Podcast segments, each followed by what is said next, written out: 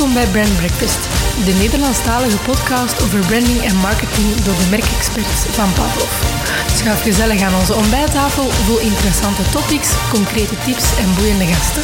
En haal meteen meer uit uw eigen merk.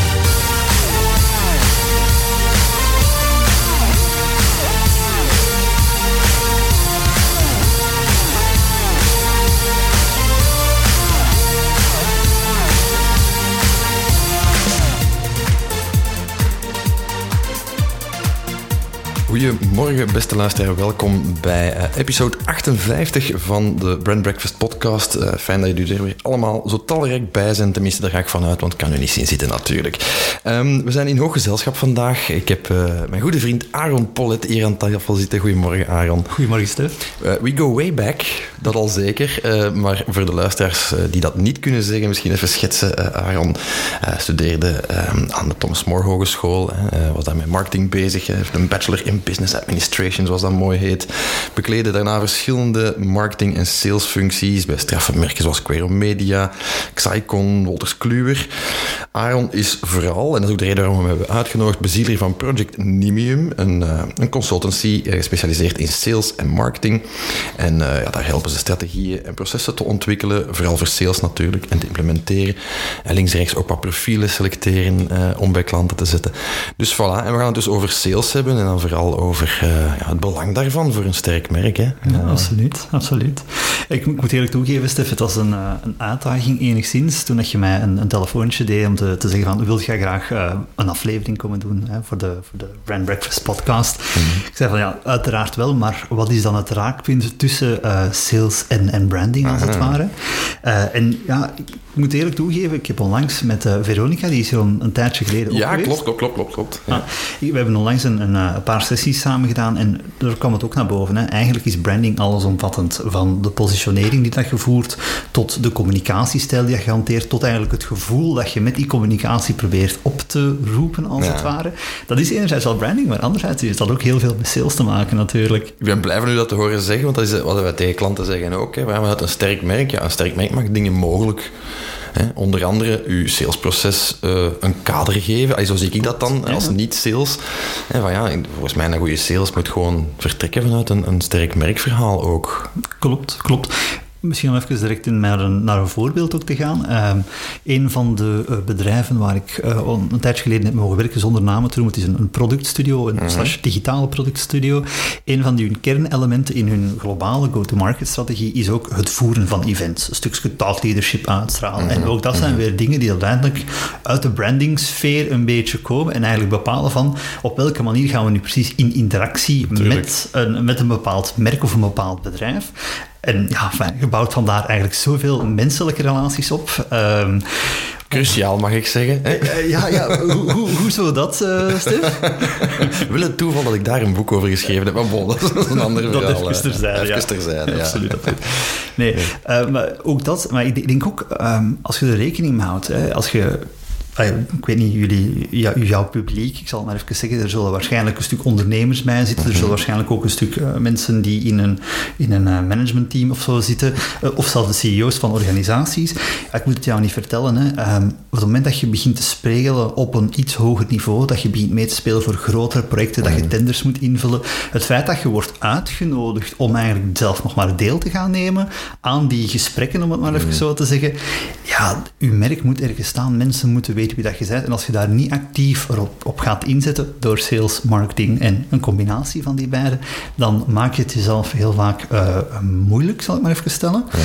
Ja. Um, dus ja, ik denk dat we vandaag een heel goede babbel daarover kunnen hebben, over dat uh, toepassen van sales en marketing en eigenlijk op die manier het merkverhaal dat we proberen in de markt te zetten, de, het image dat we proberen te creëren van ons bedrijf, dat we daar eigenlijk verder aan kunnen gaan bouwen. Oké, okay, top. Ja, uh, bepaalde theorieën zeggen, uh, waarom bekijken we dat tekoer nog in silo's? Hè? Er, er, is, er is een, een stelling uh, dat tegen een bepaald jaar, ik ben het even kwijt, 2026 of zo, niet ver in elk geval, mm -hmm. dat sales, marketing, customer care, branding, corporate communications, dat dat eigenlijk ene grote dienst zou moeten zijn. Eigenlijk alles wat met client-facing dingen te maken heeft, business development te maken heeft. Mm-hmm. Uh, hoe zie jij dat? Want bijvoorbeeld, we hadden hier een tijdje geleden, hadden we van Webstack um, um, Matteo? Uh, Matteo, amai, oh, sorry Matteo. Uh, Matteo van Mol hier, en die, die zei, ik ben daar ook een, een, firm believer in, van die grenzen tussen sales en marketing, dat moet gewoon verdwijnen. Je moet, dat moet één logische flow zijn. Uh, hoe zie jij dat vanuit een salesperspectief? Goh, ik, ik ga misschien eerst van het marketingperspectief ja. lichten en dan even aan de sales overgaan. Ik, ik zie dat ook. Hè. Tegenwoordig, mm. tegenwoordig, ik denk dat het een jaar of twee geleden is dat ik het voor de eerste keer heb gehoord. Smarketing. We gaan allemaal smarketing doen. Afgrijzelijk die term. Ja, smarketing. Of, of, beter, ik heb het ook al gehoord in divisies waar het SMAX wordt genoemd. Mm. Sales, marketing en customer experience. Allemaal smushed together. nog, dat vind ik nog kunnen. Oké, sorry, maar dit terzijde. Ja. ja, ik ben ook al fan van bepaalde ontbijt gedaan. Hè. Ja. Terzijde. Um, nee, maar ik denk inderdaad dat uh, verhaal van sales en marketing alignment, denk dat dat een belangrijk verhaal is, maar in hoe het in het verleden is geweest. Hè. Als je gaat kijken naar... Uh, vroeger was uh, sales een functie waar vooral heel veel bij klanten werd langs gegaan. No matter the deal size, we gingen langs bij een klant.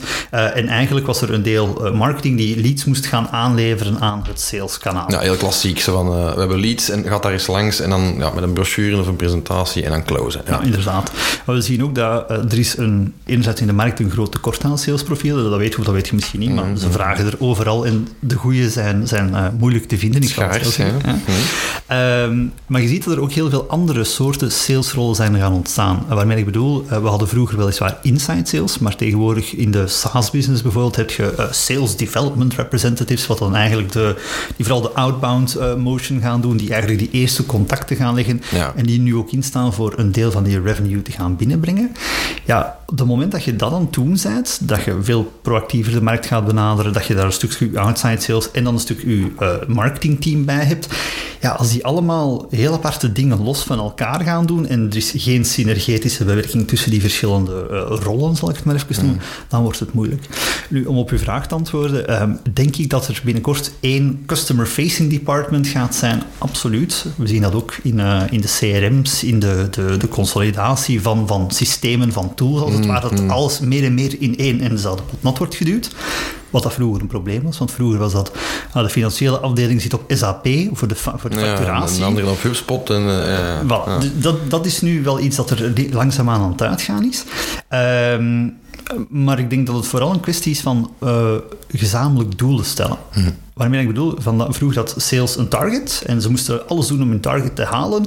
En nu uh, had marketing uh, een target in functie van leads. Nu staat daar heel vaak gewoon een revenue target tegenover. Mm. Lees, uh, we moeten samen als bedrijf uh, dat gaan doen. Ja, marketing, ont of, uh, ja. Marketing de campagnes spar met sales, wel, is het gesprek dat wij, dat is, dat is wat ik zelf heel hard probeer te promoten, is als je een marketingcampagne doet, doe, doe dat in een geïntegreerde go-to-market beweging en zeg van oké, okay, deze zijn de campagnes die, of de doelgroepen die we willen gaan aanspraken, deze is de messaging die we willen gaan toepassen, deze zijn de aanbiedingen die we mm. willen doen aan die doelgroep, maar daar moet ook een sales speech achter zitten. Mm. Ik maak het nog mee dat mensen leads klassiek leads genereren en dat uh, uh, sales of een inside sales belt en zegt van hallo, ik heb uh, begrepen dat u graag een offerte wilt van ons product X. Ah ja, nee, ja, ik had eigenlijk gewoon weg. Ja, jullie hadden, jullie marketingteam had gezegd dat ik een, een gesprek kon inplannen met een adviseur. Hmm ja, als die, die linker gewoon dat is awkward, hè, dat is echt ja. Maar zowel voor de klant als voor de, de persoon aan de, aan de andere kant van de lijn. Ja. Dus om, uh, again, uw question te beantwoorden, uh, ik denk dat het belangrijk is om te focussen op processen, goede KPI's, leading KPI's te zetten en daar eigenlijk op verder te gaan bouwen. Ja, dat is dat cruciaal. Hè. Ik was recent op een, op een congres, ik hoorde daar Michael Humble zeggen, ja, uh, de, average closing rate, alleen in feite, de average conversie is, is, is 2%.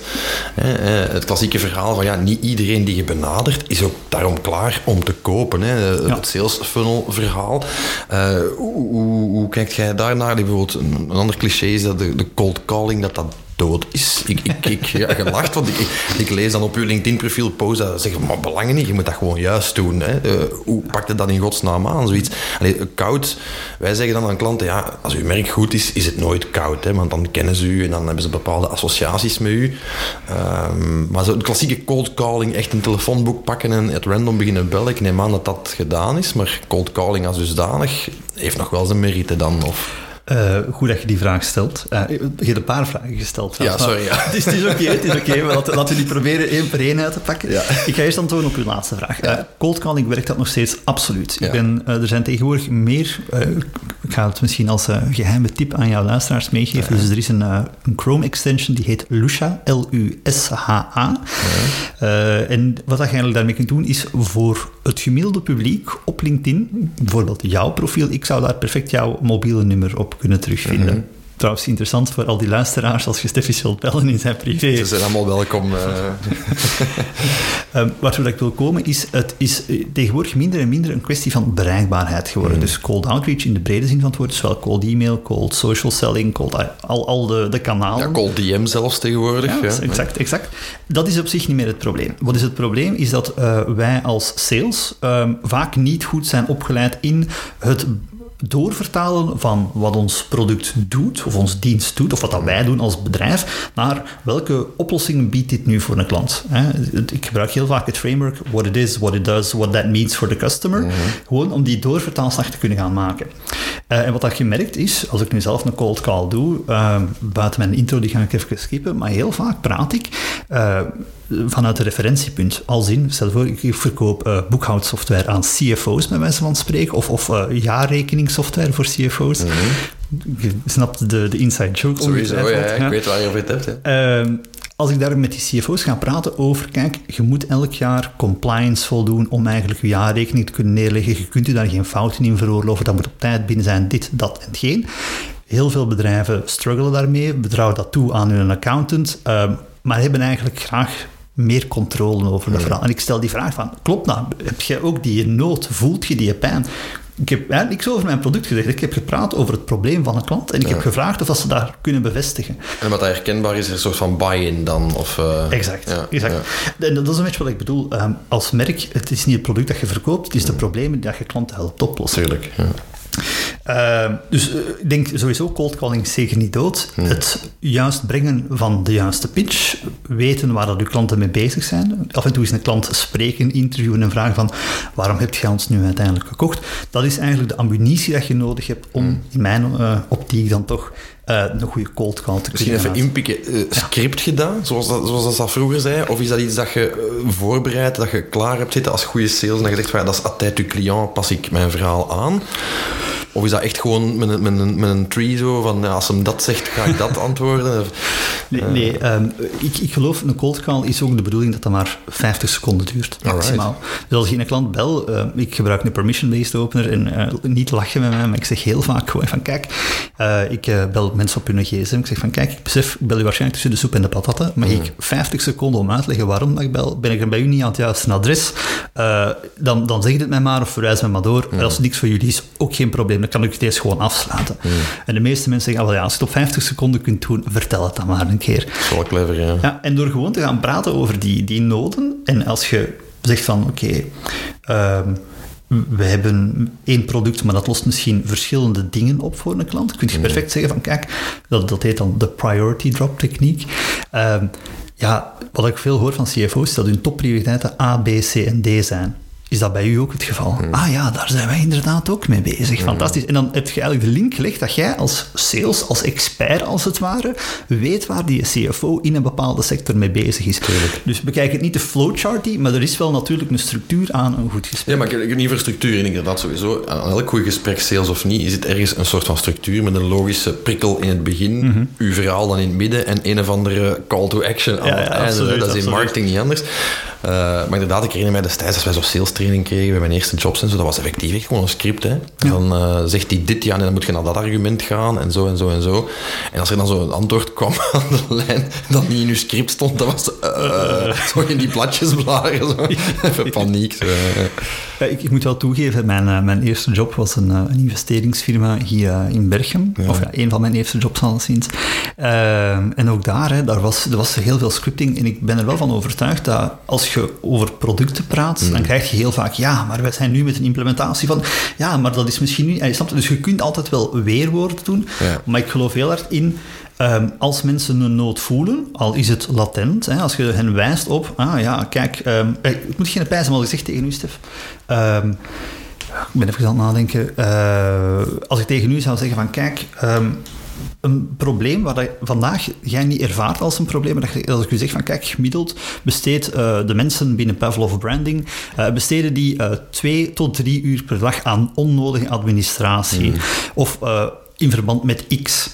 Hoe, hoe gaan jullie daar eigenlijk mee om? Is dat bij jullie ook het geval? Ja. Dan ik heb u misschien net bewust gemaakt van iets waarvan dat je niet er, dat ding ervaarde als een probleem, maar ik heb u wel getriggerd om te zeggen, hmm, hier kan ik misschien, ja, dat is misschien wel interessant om naar te luisteren. En dat is het doel van een cold call in, in alle transparantie. Uh, ik geloof dat als mensen getriggerd zijn, latent of actief, dat ze met u dat gesprek wel gaan aangaan. En dan is het dan nu als goede sales om uw gesprek zodanig te structureren dat je van een hele kleine pijn een hele grote pijn weet te maken. Ja. En allee, ja, je snapt waar ik naartoe ja, Natuurlijk, ja, ja, uiteraard, uiteraard, uiteraard. Ja, uh, ja we hebben al over cold calling gehad. Um, veel mensen lijken mij nog altijd, zeker niet salesprofielen, lijken mij daar zo wel een, een aversie te hebben van sales en van Klopt. inderdaad koud, uit, koud outreach en zo. Ik denk dat dat te maken heeft wellicht met een soort van misvattingen ook, of vaak clichés die de ronde doen. Ik zal het misschien anders formuleren. Wat zijn wat jij ziet bij klanten of de koer in, in, in, uw, in uw expertisegebied?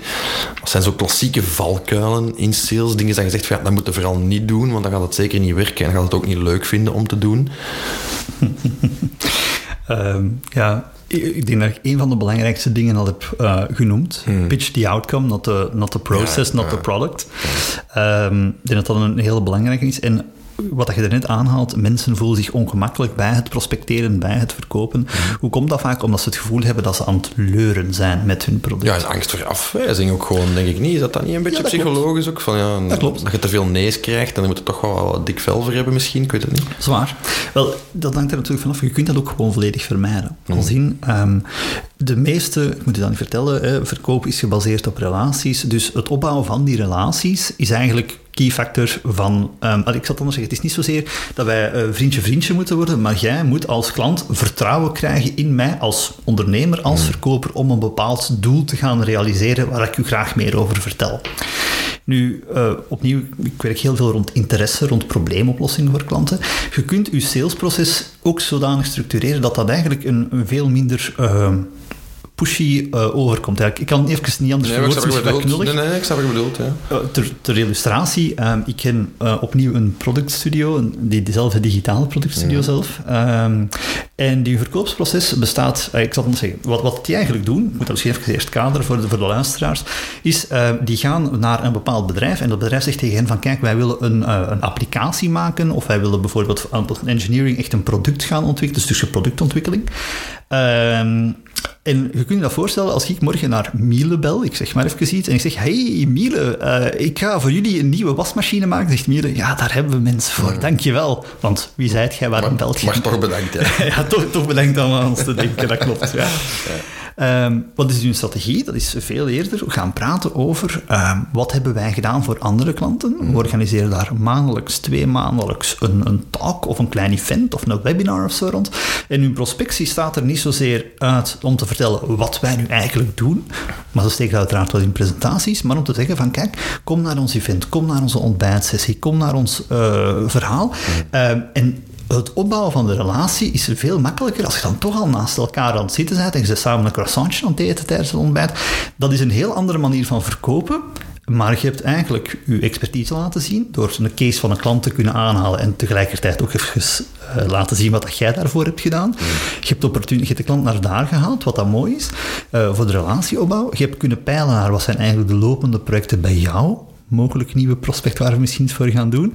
En uiteindelijk kun je zeggen van kijk, vanuit dat punt, als jij je verkoopsproces goed opbouwt, dan je van, weet je wat, wij hebben een soort, in jullie geval stel je voor, een goede brand audit, die dat we op een halve dag zouden kunnen doen, voor een, een lage prijs. We zouden graag eens hebben dat we met die loop eens naar jouw nieuw product, of naar jouw nieuw ding kijken. Dat je een makkelijke entry hebt op basis van het vertrouwen dat je gebouwd hebt. Ja. Je moet het ook niet proberen moeilijk te maken. Mm. Een tijd van, van hard sell, eh, snap dat? De, de, de enige mensen die hard moeten toepassen, zitten in een commodity markt. Mm. En ook daar is het probleem, je wilt in een commodity market zitten, want dan kun je geen value-based pricing ja, dat gaan toepassen. Zeggen, dat is price-based en dat is een race to the bottom waarschijnlijk. Ja. Ja. Ook daar, het is ook een kwestie van positionering. Uh, mm. Ik ben over laatst iemand uh, tegengekomen tijdens een van de Plato-sessies van, uh, van Voca. Mm. die man die doet hoe zal het, het, het embroiden daarvan, of okay. veiligheidsmateriaal, dat soort dingen. Zoals je kunt voorstellen, in de Kempen heel veel bouwfirma's, maar ja, dat is een heel verzadigde markt. Hoe maak je daar in godsnaam nog het verschil rond? Ik zei tegen hem ook van, kijk, je hebt je positionering op value, wat dat moeilijk is, want je verkoopt een commodity product, maar dan kun je het ook gaan hebben over het aanbod. Lees, als een van de doelstellingen is van een werkgever in een bouwfirma van ik wil het aantal uh, ongevallen met een bepaalde outcome. Ja, drastisch verminderen. Uh, voilà. Weet je wat, eh, beste klanten, we gaan u dat product aan 80% van de prijs verkopen vandaag, maar als jij erin slaagt om uw target te halen omwille van onze kledij, dan, dan rekenen wij een bonus aan of iets in die internet. En eigenlijk door op die manier uw incentives als verkoper en als koper op hetzelfde spoor te zetten. Ik zeg niet dat dat bij iedereen werkt, maar het is wel een punt van differentiatie waar je eigenlijk in uw approach naar uw marketing toe en naar uw sales toe eigenlijk wel een heel groot verschil ja, je geeft ook aan als merk dat je meedenkt met uh, op langere termijn dan, dat je niet alleen puur op die conversie uit bent, maar op het behalen van een gemeenschappelijk doel natuurlijk. Ja. Uh, laten we even eerlijk zijn, uh, het blijft een gunnen business. Hè. Ik denk dat er heel veel, er zijn heel weinig processen die daar gedraaid worden vandaag de dag, denk ik, die puur, puur, puur om, uh, om prijs draaien. Mm. Ik denk ook als je uh, de gewoonte hebt van zo op die aanvragen te reageren van hé, hey, wij willen een bestelling doen van 100 jassen, zeg maar, geef ons eens uw beste prijs dat zijn eigenlijk niet het soort acties of vragen waar dat je mee aan de, aan de slag wilt. Ik denk niet dat dat de juiste keuze is. Hmm, hmm. Of allee, da, daar gaat je niet de, de waardecreatie kunnen doen. Misschien wel een eerste relatie opbouwen, maar zonder dat je die verdere gesprekken daarbij hebt gevoerd, wordt het denk ik een heel moeilijk verhaal. We hadden het net al over hard selling versus relaties uh, opbouwen. Um, een stuk aangehaald al natuurlijk, dus ik ken daar ergens wel uw opinie over, maar in hoeverre is het belangrijk, denk je, om echt te investeren in brand story en dergelijke meer? En bijvoorbeeld, hoeveel voor moeten steken in uw merk om het, uh, uw salesmensen zo makkelijk mogelijk te maken. ik ga ervan uit zoveel mogelijk, maar niet altijd evident in de praktijk natuurlijk. Hè. Eh, mag ik de, de vraag even teruggaan? Waarom vind je dat niet evident in de praktijk? omdat ik, Ja, omdat ik denk dat er inderdaad nog heel erg veel silo-denken is. Mhm. En dat, um, net zoals er naar marketeers soms gekeken wordt als oplossers van alle problemen, dat er misschien ook naar sales wordt gekeken als oplossers van alle problemen. Van ja, een sales krijgt dat wel verkocht als die hebben een vlotte babbel of die hebben een netwerk waaraan ze, dat ze een bepaald ding kunnen pushen. Hè. Uh, ik zie ook heel vaak nog, hè, zeker als het gaat over hard selling, hè, van, van, je zegt van, zit vooral in die commodity-markt.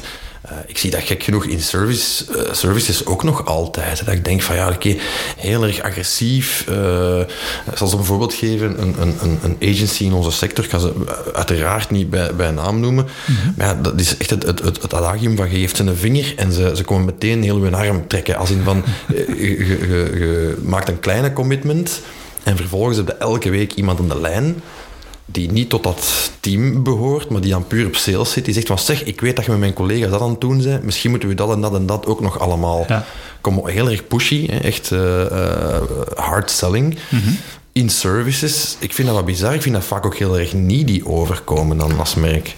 Uh, ik denk dat het er een beetje van afhangt door, door wie dat het gedaan wordt. Om even misschien op uw, uw voorbeeld uh, voor te breien.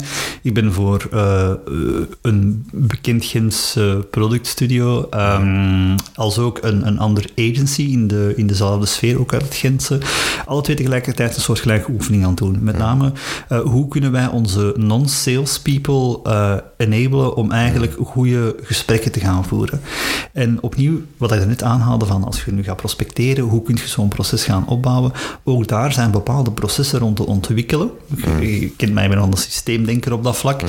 Ik denk dat je perfect je mensen eh, een, een, bepaalde voorzet kunt geven. Een paar bouwblokjes als het ware van oké, hoe voer ik nu zo'n gesprek? Hoe uh, breid ik mijn netwerk binnen een account uit? Hoe ga ik dialoog aan over de strategische doelstellingen van een bedrijf? Hoe bemerk ik dat er mogelijkheden zijn tot upsell bijvoorbeeld, of cross-sell? Exact. Ja. Ik geloof heel hard in de, de um, Servient Selling. Dat is niet, ik weet niet of het een boek is of waar ik de term heb opgepikt. Dan moet, moet ik even verschuldigd blijven. We gaan dat googlen, voilà. Ja. Goed, dan zet het in de show notes. uh, maar ik geloof daar ook wel in. Ik denk dat uh, verkopen, en dat is misschien ook even terug gewoon op je eerdere punt, mm. verkopen is voor mij de klant dienen. Mm. Als in, uh, jij hebt een probleem, bewust of onbewust, acuut of niet acuut. Het is mijn job om u daarop te wijzen als verkoper. Uiteraard, want ik ben en blijf natuurlijk wel de verkoper. Mm. Maar ik ga zelf niet proberen om iets te verkopen wat eigenlijk nadelig is voor u. Ehm, ik ken mensen dat dat wel doen, uh, wat je net aanhaalde, hard selling. Maar laat het even eerlijk zijn. ehm, dat zijn de bedrijven die dat... Ik zal het zo zeggen. De bedrijven die tot daar gaan, zijn meestal zij die dat eigenlijk het water aan de lippen staan, omdat ze Ah, ja. met hun producten, met hun aanbod, niet meer erin slagen om het verschil nog te maken. Ja, die creëren geen waarde, maar dat, dat is wat ik bedoel, maar dat komt heel needy over van, amai, jij moet precies een target halen of je, eh, of je gaat kopje onder, zodat die een indruk krijgen daar dan van. Hè. Ja, ik- Terwijl geen ene klant dat eigenlijk wilt. Hè. Allee, Jeffrey Gitomer zei destijds al, hè, Little Red Book of Sales heb ik ooit gelezen, als beginnend ondernemer. Die zei, ja, mensen houden er niet van dat een iets verkocht wordt. Ze houden ervan van te kopen, Mhm.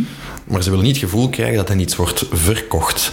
Dat is natuurlijk een subtiele nuance, maar wel niet onbelangrijk. Maar is, is dat niet de essentie van wat dat het een goede verkoper van een slechte verkoper onderscheidt? Ja, wellicht, ja. Het kunnen nadenken over... Ik zal het anders zeggen. Ik ben ooit, heel lang, lang geleden, heb ik voor eh, twee Amerikaanse bedrijven gewerkt. eh, Infoblox en eh, F5 Networks. Dat zijn eh, Amerikaanse bedrijven die in de networking-sfeer zitten van, van IT-bedrijven. Eh, ik kan eerlijk zijn, ik heb mijn gro- het gros van mijn eh, sales skills, van de, de kennis die ik heb, heb ik pas daarna opgedaan. Dus dat wil zeggen, ik sloeg toen ook al in mijn targets, omdat ik relatief... ja, Ik ben, ik durf wel zeggen, ik werkte op zich wel, wel hard. Ik probeerde echt wel Dat een boy ook, hè, dat helpt. Ja, Ja, dat helpt toch enigszins. Ehm, maar dat gezegd zijnde, eh, het, was, het was niet makkelijk. Ik denk, als ik toen zou weten wat ik nu had geweten, ik had er misschien nog altijd gezeten. Allee, snapte? Met, eh, met alle bijbehorende voordelen en allee, zonder daarbij in de details te willen gaan. En bonussen, zeg het maar. Ja, ja, ja, inderdaad, inderdaad. Nee, ehm, ja, sorry, ik ben, ben een beetje mijn draad kwijt, maar... Dat je daar die skills inderdaad, eh, eh, dat je die skills eigenlijk pas daarna hebt, eh, hebt Ja. opgedaan. En dat dat misschien nog wel heel erg hard selling was of zo. Wel ja, dat, dat- dat ging heel hard over. Ik zal er maar een voorbeeld geven. Ehm, ik zag bijvoorbeeld dat een bedrijf, ehm, ik zeg maar Shell, was klant in Nederland, maar nog geen klant in België. Ja, dan belde ik. Ik zeg van ja, kijk, de Nederlandse equipe gaat zijn setup vernieuwen als het ware.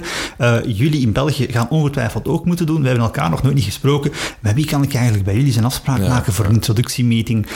Ja, laten we even eerlijk zijn. Was dat waar? O- o- ja, dat was waar. Eh, was dat een- vooral een goede manier om de voet bij de deur te krijgen? Ook. Dus daar kwamen wel voldoende opportuniteiten uit, er kwam voldoende revenue uit. Maar als ik nu ga kijken over de tactiek dat ik daar heb toegepast, als ik eh, mee had gepraat over, oké, wat zijn jullie strategische projecten? Ik heb bijvoorbeeld mensen horen vertellen van, ja, wij gaan ons datacenter vernieuwen. Oké, het is een beetje misschien off-topic voor, Nee, voor je publiek. Ehm, maar als je daarna gaat kijken, als ik toen beter had begrepen van wat, waarom doen jullie dat? Wat zijn jullie daarmee van plan? En eh, waarom is het dan zoveel belangrijker om wel deze tools in jullie netwerk aanwezig te hebben? Ja, we waren gewoon eh, op een heel andere piste of een heel ander elan binnengekomen en eh, nu dat ik erover nadenk, want we hebben het uiteindelijk nog altijd over merken, de uitstraling dat onze, onze, onze verkopers hadden als ze dan binnenkwamen bij een bepaalde account, was soms al van ja, we hebben dat eens nagevraagd en eigenlijk, ja, we zijn daar inderdaad wel mee bezig. Maar het is goed dat je hier nu bent, maar eh, we hebben toch liever dat je gewoon eh, transparant naar ons communiceert. Allee, again, we all make our mistakes, maar ehm, qua merkuitstraling, iemand die meedenkt met jou, komt helemaal anders over dan, ah, ik heb hier tegen willen, willen en, eh, hoe zeg je het? Dank, ja, willen pushen. Dank, eh, ja. eh, toch maar een, eh, een meeting binnengekregen, omdat dat ergens op mijn lijstje stond dat dat moest. Dus ja, voilà, kijk, ik, ik hoop dat het een beetje een duidelijk antwoord Ja, Absoluut, absoluut. Je spreekt over transparant communiceren. Ja, dat lijkt mij altijd cruciaal. En wij zeggen dat aan klanten ook. Als merk moet je ook transparant communiceren. Uit uw, uw recente LinkedIn-post leid ik af dat sales ook een stuk expectation management is. Hè. Dat, Het is niet omdat je bijvoorbeeld een verkoop sluit dat je daarom gaat matchen. Hè. Ik las over laatst een post dat je zei van ja, hè, toffe klant, goed project gedaan, vlot betaald. Maar ja, is, zijn eigenlijk de expectations gematcht? Ehm, Dat is toch niet evident, hè? Want je moet toch echt, als, zeker als je customer-centric denkt als merk, moet je toch heel goed snappen ook, hè, los van de noden en de pijnen die je Mhm. kunt eh, eh, aanraken. Enfin, ik ben, ben, ben, ben eh, weer zes vragen tegelijk aan het Maar ik stellen. vraag. Wat ik eigenlijk bedoel is van, ja, eh, hoe belangrijk is het van die expectations te matchen? Allee, ik ga Mhm. ervan uit dat dat, dat, een evidentie moet worden, maar eh, dat is toch ook niet, niet makkelijk? Allee, eh, Ja, opnieuw, ik denk dat eh, de rol van sales daarin is geëvolueerd. Hè, waar dat vroeger de, de, de sales klassiek hè, bij de klant ging en moest terugkomen met de getekende orderbon en wie dat het fulfillment deed, we don't care. Ja, dat gesprek was heel wel omlijnd, vermoed ik. En bij elke klant bijna hetzelfde. Versus, Mhm. ja, Ja, Ja. Moderne sales is dan anders. Uh, moderne sales, zoals ik al zei, vanuit mijn perspectief, ik denk heel vaak vanuit een ondernemersperspectief. Ik wil niet zeggen dat ik voor alle uh, B2B salespersonen spreek, maar um, ik denk dat dat veranderd is. Als een klant verwacht tegenwoordig dat zijn verkoper, zijn of haar verkoper, of verkoopster dan, um, een, een bepaald commitment geeft aan de klant. Dus wij gaan, vooral als je strategisch of value-based pricing gaat toepassen, of value-based selling, um, je maakt eigenlijk tegen de klant een commitment waarbij dat je zegt van kijk, ik heb u een outcome verkocht, nu gaan we samen werken naar het opleveren van die outcome. En dat wil ook zeggen dat jij als sales veel meer wordt bekeken als ook semi-projectmanager. Dat zijt je in essentie uiteraard nee, niet, maar... Dat, dat is herkenbaar, ja. ja je, moet je moet je dossiers kennen en je moet weten wat daarin gebeurt. En idealiter, als daar iets misgaat, en dan kom ik terug op uw uh, eenmaking van, ja. van de verschillende customer-facing dingen. Als er iets misgaat, moet het eigenlijk de sales zijn die zegt van hey, uh, Jean, ik zeg maar even de naam, dat of dat of dat is er gebeurd, dat is wat we daar nu aan gaan doen. Mm. Weet dat dat deze een impact gaat hebben. Ik vind het belangrijk dat we daar proactief over communiceren. En, en opnieuw transparante communicatie, dat is uiteindelijk waar, dat je, waar dat je naartoe wilt gaan. Ja. Ik ben een beetje op een tangent gegaan, excuses daarvoor. nee, nee. nee, nee. Ja, dus je ging over expectations ook, hè, maar dan, dan denk van ja, oké, hoe creëert je dan de juiste verwachting? Moet je daar een klant dan bijvoorbeeld in, in early prospect fase misschien al op wijzen van ja, dat doen we, dan, dat gaan we niet doen? Of, of ja, uh, wanneer is voor u een, een, een, samenwerking een succes, neem ik aan, als zo'n klassieke vraag kan zijn? Of, uh... Dat is inderdaad een klassieke vraag. Hoe ziet succes eruit? Het probleem is dat klanten dat vaak heel vaak ja, zelf niet, weten. Hè, nee, exact. nee, nee. Uh, dus wat ik eigenlijk uh, persoonlijk vaak doe, is dat ik zeg van oké, okay, we hebben een, een, klein gesprek, gewoon eens te horen van waar wilt je precies naartoe. Mm. Ik zeg van oké, okay, laat ons nu eens, als ik u begrijp, uw vraag is eigenlijk, en dat is luisteren en samenvatten. Ja, ja, ja, en eventueel doorvragen. Dus als ik u goed heb begrepen, wilt je eigenlijk dat en dat en dat begrijpen? Dan denk ik, want het verkoopsproces als het ware is, uh, is voor mij nog steeds in verschillende stappen, al zeg ik niet dat dat bij iedereen het geval is. Um, stelt inderdaad uw vragen, je vat samen de noden en je zegt van kijk, een goede volgende stappen voor ons, dus ik wil ook meerdere touchpoints met een klant opbouwen, is dat we eigenlijk dan nu eens verder gaan aanpakken. Bijvoorbeeld, ze hebben mij die vraag gesteld van, kunt je nu eens een training voor non-salespeople samenstellen? Ik zeg oké, okay, voilà, kijk, hier is de korte inhoud zoals ik het zie. Op deze datum stel ik voor dat we elkaar terugzien, om daar even door te gaan. Laat het even bezinken. Wat zijn de punten die je wilt toevoegen? Wat zijn de dingen dat we er moeten uithalen? En eigenlijk kom ik uit zo'n heel uitgekristalliseerd verhaal, nog voordat ik uiteindelijk iets ga verkopen, uh, verkocht hebben. Um, is het belangrijk om de klant zijn verwachtingen daarin bij te stellen? Ja. Um, er zijn twee dingen dat ik daarover wil zeggen. Uh, een van de technieken die ik heel mooi vind is een JAP. Dat is het Joint Action Plan. Okay. Um, waarin dat je eigenlijk projectmanagement gewijs gaat mm. zeggen van oké, okay, zelf in het salesproces, uh, jij bent nu iemand die geïnteresseerd is in mijn oplossing, fantastisch. Wat dat we zeker gaan moeten doen is de andere stakeholders betrekken. We willen op een gegeven moment misschien ook uh, een legal team of een, een HR-team of zo mee in het verhaal trekken om ook hun input te gaan capteren. Mm. Jij gaat dat faciliteren, ik ga dat faciliteren, deze zijn mijn stappen, deze zijn uw stappen, zodat de klant eigenlijk betrokken wordt bij ja, het proces. Echt bij het handje neemt eigenlijk, ja. ja. Ik zeg niet dat dat voor alles nodig is, uiteraard. Mm -hmm. Nu, dat gezegd zijnde, ik denk dat het ook belangrijk is om tegen de klant, uh, vooral dat ze een handtekening zeggen van kijk, wat gaan we nu concreet van ons kunnen verwachten? Uh, wij doen op die en datum een workshop. Daar gaat dat uitkomen. Met die inputs gaan wij een rapport schrijven. We gaan dat presenteren. Jij gaat op basis van dat rapport een aantal to-do's krijgen. Wij gaan een aantal to-do's krijgen. En we gaan jullie eigenlijk helpen bij de implementatie van A, B of C. Ja, ja. Wat gaan we niet doen? Hmm. Of wat, wat houdt dat niet in? Um, dat vind ik altijd leuk om te zeggen. Daar zit niet in uh, dag en nacht uh, telefonische support. Daar mm. zit niet in dit, daar zit niet in dat. Waarom? Omdat je dan ook, en dat is dan misschien een beetje te salesy van mij, maar ik vind het wel leuk om het even met hen te delen. Uh, dat je ook gewoon kunt zeggen van, kijk, dat kan wel. Mm. Wilt jij dag en nacht mij kunnen whatsappen? Dat kan. Kan een kastje. Ja. Ja. ja. ik zeg niet dat iedereen dat nodig heeft, hè. Um, maar dat is ook het ding. Ik, uh, ik heb ook al, een, dat is een beetje prijspsychologie. Uh, als je je basisproduct uh, kunt aanleveren en eigenlijk alle diensten die je normaal daar gewoon allemaal zou induwen, Mm. begint te zeggen van, ja, maar deze zijn eigenlijk allemaal extra's. Opties, ja. Voilà. niet enkel dat dat opties zijn, want dat is extra revenue, Mm. enerzijds, maar ook als je dan commitments moet doen. De klant zegt, ja, ik wil eigenlijk wel die 24 uur op 7 Mm. dat ik u mag whatsappen. Um, weet je wat, maar de prijs, ja, hoe, weet je wat, ik zal dat er gratis Ja, bij doen. ja.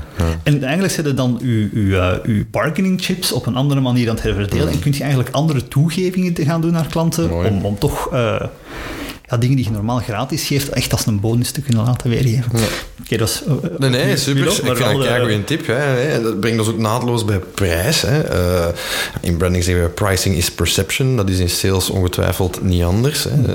Uh, welke rol speelt prijs eigenlijk? Het is echt een, ik zou denken, het is een dummy vraag, maar welke rol speelt prijs eigenlijk in, in een verkoopsproces? Los van het feit dat je, ja, als je natuurlijk price-based selling doet, van we willen de goedkoopste of we moeten de goedkoopste zijn, dat is anders. Maar uh, gesteld dat je in value based strategieën zit. Ja, welke rol speelt dan prijs nog volgens u? Ja. Ik denk dat je, om, om daar een antwoord op te kunnen geven, dat je eigenlijk even moet kijken naar de psychologie van de koper ook. Hmm. Uh, waarmee ik bedoel, uh, de klant komt naar jou en zegt van kijk, ik wil graag dat jij mijn probleem oplost. En hij zegt, heeft daarbij een, een, een uh, bepaald uh, idee in zijn hoofd. Waarmee ik wil zeggen, ik wil een bepaalde outcome gaan bereiken tegen een bepaalde uh, periode. Ik wil daar bepaalde pitfalls mee vermijden. En ook, ik zal maar even zeggen, um, als ik deze investering in mijn bedrijf niet doe, dan ga ik binnen drie maanden dat probleem tegenkomen. Ja, ja. Of die machine die blijft hier maar slecht, ik moet die gaan vervangen. ik moet daar vandaag in investeren. Dus wat, wat het is, het is de, de, de noden aan de ene kant en de prijs aan de andere kant. Mm. Dus ik praat heel veel over, ik praat er misschien te weinig over zelfs, over de balans tussen waarde en dan gepercipieerde waarde. Ja, vooral dat, hè, gepercipieerde. Ja, ja. Want uiteindelijk, dat is een beetje waar ik er juist ook toe, toe kwam met mijn, met mijn bonussen verhaal. Um, zolang dat jij tegen een klant kunt zeggen van kijk, uw gepercipieerde waarde, zeker in een competitive situation waar dat je met andere spelers zit die dat eigenlijk een, hetzelfde of een soortgelijk product of dienst aanbieden, is het wat geef ik de klant allemaal extra? Dat is wat de, de waarde is. Maar dat is niet enkel van wat geef ik, maar de klant denkt ook van ik koop een outcome.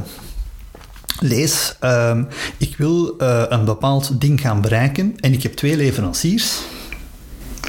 In welke mate denk ik dat uh, de solution of de dienst of het product dat mij wordt aangeboden, dat dat eigenlijk gaat ervoor zorgen dat ik de gewenste outcome ga bereiken. Mm. Mm. Ik zal het anders zeggen, um, je, ik moet het u niet vertellen, hè, als je op een restaurant bent, um, dan heb je de duurste fles wijn, je hebt de goedkoopste en je hebt de tweede goedkoopste. Ja. Welke fles kiezen de meeste mensen? Ja, de middenste, hè. Ja, ja. natuurlijk. Maar zelf op een lijst van... Um, van tien wijnen, mensen vaak niet de duurste, niet de goedkoopste, maar vaak de tweede goedkoopste fles. Want dan okay. denken ze van, daar zit veel waarde, daar krijg ik toch meer waarde van en het is niet ongelooflijk ja, duur. Ja, ja. ik ben slimmer dan, die dan dat andere tafeltje die die dure fles gekocht heeft. En, uh...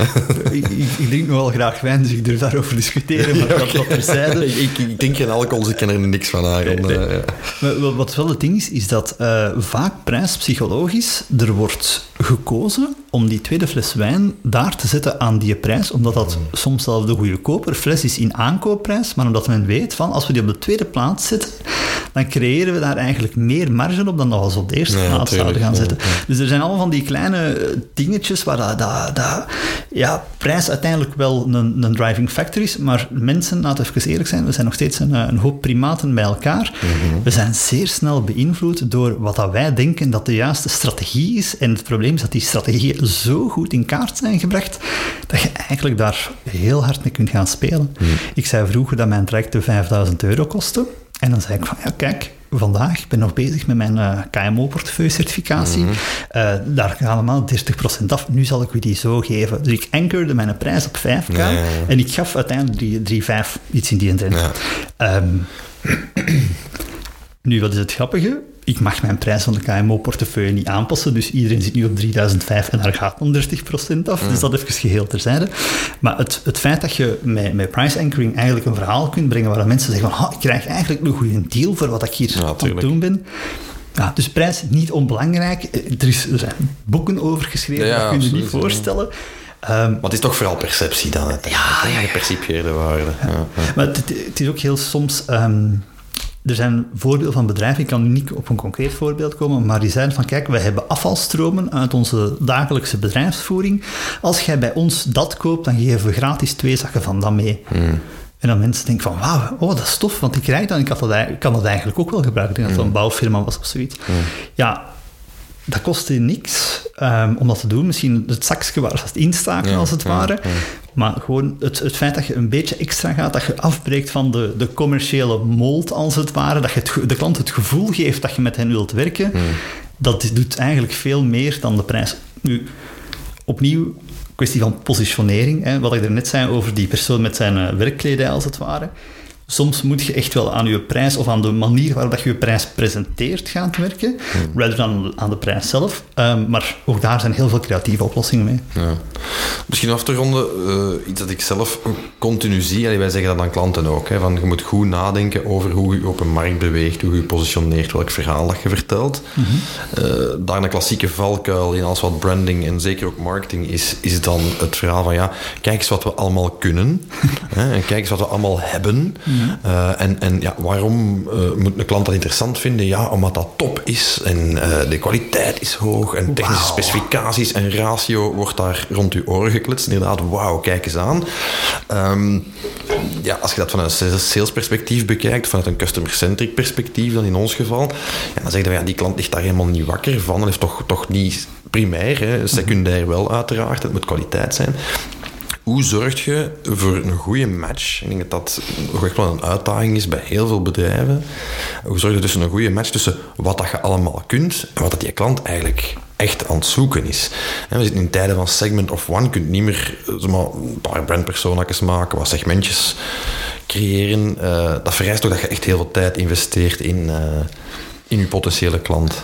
Ehm, ja, Of zie ik dat compleet verkeerd?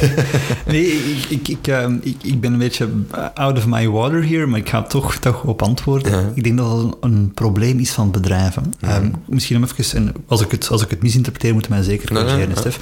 Ehm, ik denk dat heel veel bedrijven gewoon altijd de plus één versie maken van iets. Oké. Waarmee ik bedoel, eh, je hebt hier een prachtig, eh, een prachtige, zeg het eens, hoe noemt de vloer? Kan er niet opkomen. Een parket, eh, parket, ja, hè. Voilà. Ehm, er is altijd net een iets betere houtsoort. Hmm. We gaan die mm, voor net iets meer op de markt kunnen brengen. Daar gaat altijd wel een publiek voor zijn. En dat klopt enigszins. Ehm, wat een beetje het probleem is, is dat eh, vooral bij technische producten, mensen maken iets... De, eh, ik zal maar het voorbeeld geven. Wat is de snelste auto van tien jaar geleden? Wat is de snelste auto van vandaag? Ja, als we vandaag overal nog altijd maar 120 km per uur mogen rijden, dan kun je dan een hele mooie auto vinden. Een fantastische rijervaring en alles wat je wilt. Beleving, het zit er zeker in.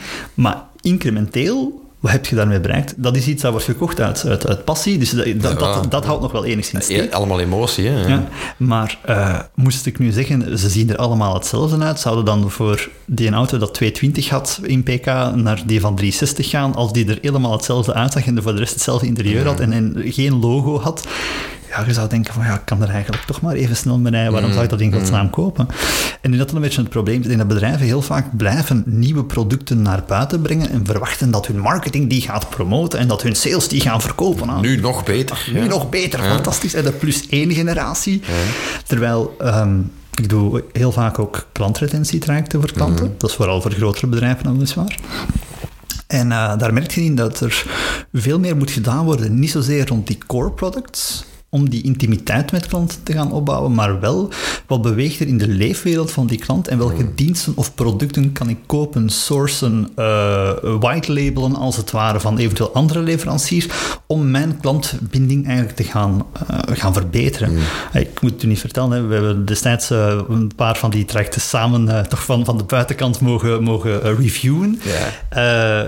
Het, het gaat heel vaak niet over het product of over de eentje beter, zal ik maar zeggen, maar wel over wat kunnen we eigenlijk gaan doen om wel die waarde te gaan creëren en om... eh, ja, om, om, om, om daar eigenlijk het verschil mee te gaan maken. Want dat zijn de elementen die een sales en een marketingteam wel kan gaan gebruiken om ja, uiteindelijk de bottom line van het bedrijf te gaan verbeteren, te verhogen. Ja, en impact hebben ook op merkperceptie, denk ik dan ook heel erg. Niet? Ah, ja. Klopt. Ja. Ja, ik denk dat dat een beetje de essentie is. Hè. De, de moment dat jij als, eh, wat hij daarnet zei, sales is het aligneren van incentives. Eigenlijk is dat met branding ook. Dat is het aligneren van een... eh, Ik heb u onlangs op een keynote, denk ik, zelf het, hetzelfde verhaal horen brengen. Het zorgt er eigenlijk voor dat de persoon zich moet gaan identificeren met het merk. En dat kun je alleen maar doen door in dezelfde leefwereld te gaan, te kijken wat dat de uitdagingen zijn en als bedrijf proberen mee te evolueren om die golven eh, te pakken. Ja. Ik moet even vertellen, de meeste bedrijven gaan zo'n beetje een Gauss-curve. We gaan naar boven, we gaan terug naar beneden. En ze zeggen altijd, als je blijven groeien, moet je eigenlijk de curves achter elkaar blijven pakken, als het ware. En eigenlijk durven blijven innoveren. En denk dat dat eigenlijk de, de essentie is van wat een sterk merk doet. Bewegen in de leefwereld van haar klanten en mee evolueren naar gelang de noden van de klant. En daar een mooi aanbod aan koppelen met eh, slimme sales. Right man, super. Uh, heel waardevolle insights, veel om over na te denken uh, wellicht ook. Alleen voor mij toch in elk geval, ik zal voor mijzelf spreken. Okay. Uh, mocht dat voor de luisteraar ook zijn, waar vinden we u buiten op LinkedIn als Aaron Polet? Goeie vraag. dus inderdaad op LinkedIn op als Aaron Polet. mensen mogen mij ook altijd gewoon een WhatsAppje of een telefoontje doen. Ik heb weliswaar 24 uur WhatsApp support. tegen, tegen, tegen geringe betalingen. nee, dat, dat valt op zich wel mee. Nee, dus mogen we altijd bellen. 0474 897 971. Ik ben waarschijnlijk de eerste podcastgast die dat heeft gedaan. Dat vind ik leuk. Mooi. Uh, en uh, verder ook op mijn website www.nimium.be. Super, keigoed. Aaron, ontzettend bedankt voor uh, jouw inzichten in sales uh, en de, de link met, uh, met branding die toch overal terugkomt, eigenlijk bij alle topics. alles is branding, Stef. Alles, is, alles branding. is branding. On that note, beste luisteraar, dank u wel voor het luisteren. Mocht je dat nog niet gedaan hebben, vergeet niet van u te abonneren. als u vragen, opmerkingen, bedenkingen, suggesties heeft, laat het ons weten. Hello at brandbreakfast.be en dan horen we u graag in een volgende aflevering terug.